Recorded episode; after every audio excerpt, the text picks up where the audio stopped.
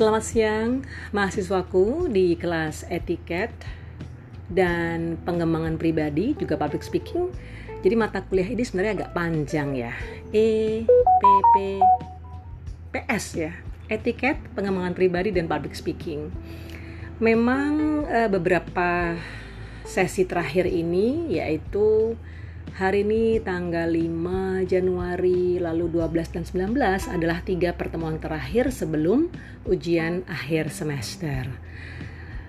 Uh, kita perlu mensyukuri bahwa memang um, kegiatan online learning harus dan terus masih kita lakukan di semester ini. Mensyukuri artinya adalah bahwa kita masih bisa menikmati, kita masih bisa menjalani online learning ini. Begitu banyak juga ada yang ingin ya kuliah, ada yang ingin menuntaskan program S1-nya tapi belum dimungkinkan karena banyak kendala ya, keluarga, lalu kesehatan dan yang lain-lain. Jadi ketika mahasiswaku di kelas EPP atau EPP PS public speaking ya. Uh, masih enroll masih tergabung di kelas ini. Ya yuk mari kita uh, niati ya dengan baik. Oke okay, uh, anak-anakku selalu uh, aku sampaikan ya bahwa bicara etiket etika ya bicara menghargai orang lain, mematuhi peraturan, mematuhi kebiasaan kita sudah bahas ya di beberapa sesi sebelumnya. Ada table manners, ada tentang berinteraksi ketika beper bepergian, ya kan, berkorespondensi. Banyak banget sebenarnya elemen dari etiket itu. Nah, lalu kita juga sudah bahas bagaimana caranya kita upskilling. Ya, kita selalu bisa learn, relearn dan unlearn. Coba coba mahasiswaku sekarang ya, tolong didengarkan baik-baik. Ada term learn, relearn dan unlearn. Apakah itu? Nanti kita bahas. Ya. Lalu kita juga sudah uh, sempat berdiskusi tentang life skill Ya, banyak sekali yang memang perlu ditingkatkan. Untuk apa? Untuk menggali potensi diri, untuk apa? Untuk bekal kita di kemudian hari. Bagi mahasiswaku yang sudah bekerja, tentu day to day mengalami. Ya kan, mengalami berinteraksi dengan atasan, mengalami bersinggungan dengan kolega, bersinggungan maksudnya berinteraksi ya. Lalu bagaimana dengan clients, mengatasi masalah dan segala macam. Meskipun ada juga mahasiswa yang tidak bekerja, tapi ibu yakin di kehidupan sehari-hari juga kita mendapati itu.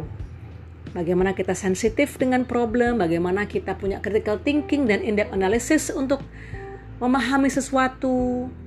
Bagaimana networking itu penting ya untuk memperluas dan memperdalam kekayaan kita tentang uh, hubungan ya kan? Kita boleh muncak misalnya kemampuan ini itu segala macam. Tapi kita nggak kenal siapa-siapa. Jadi orang lain nggak akan bisa ngajak.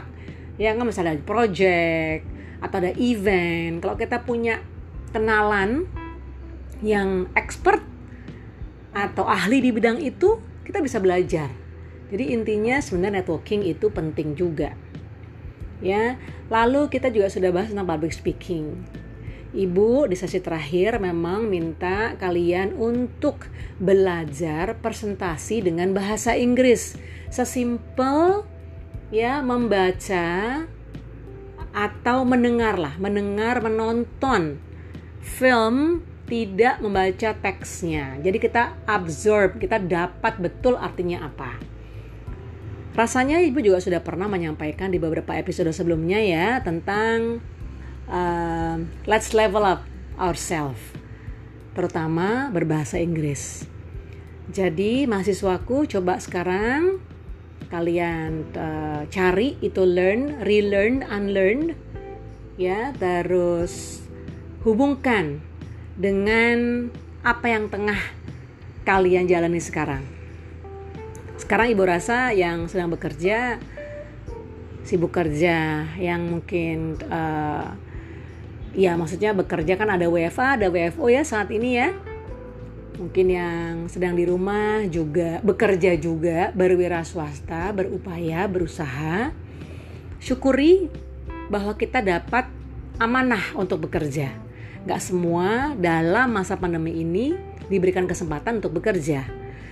Jadi motivasi motivasi diri untuk tetap terus berkembang ya semangati diri untuk dapat improve continuous improvement. Jadi ibu ulangi ya, coba uh, mahasiswaku dicari artinya apa sih learn, relearn dan unlearn. Ya, lalu hubungkan dengan apa yang tengah kalian geluti day by day. So I'll see you soon today, this evening. Bye now.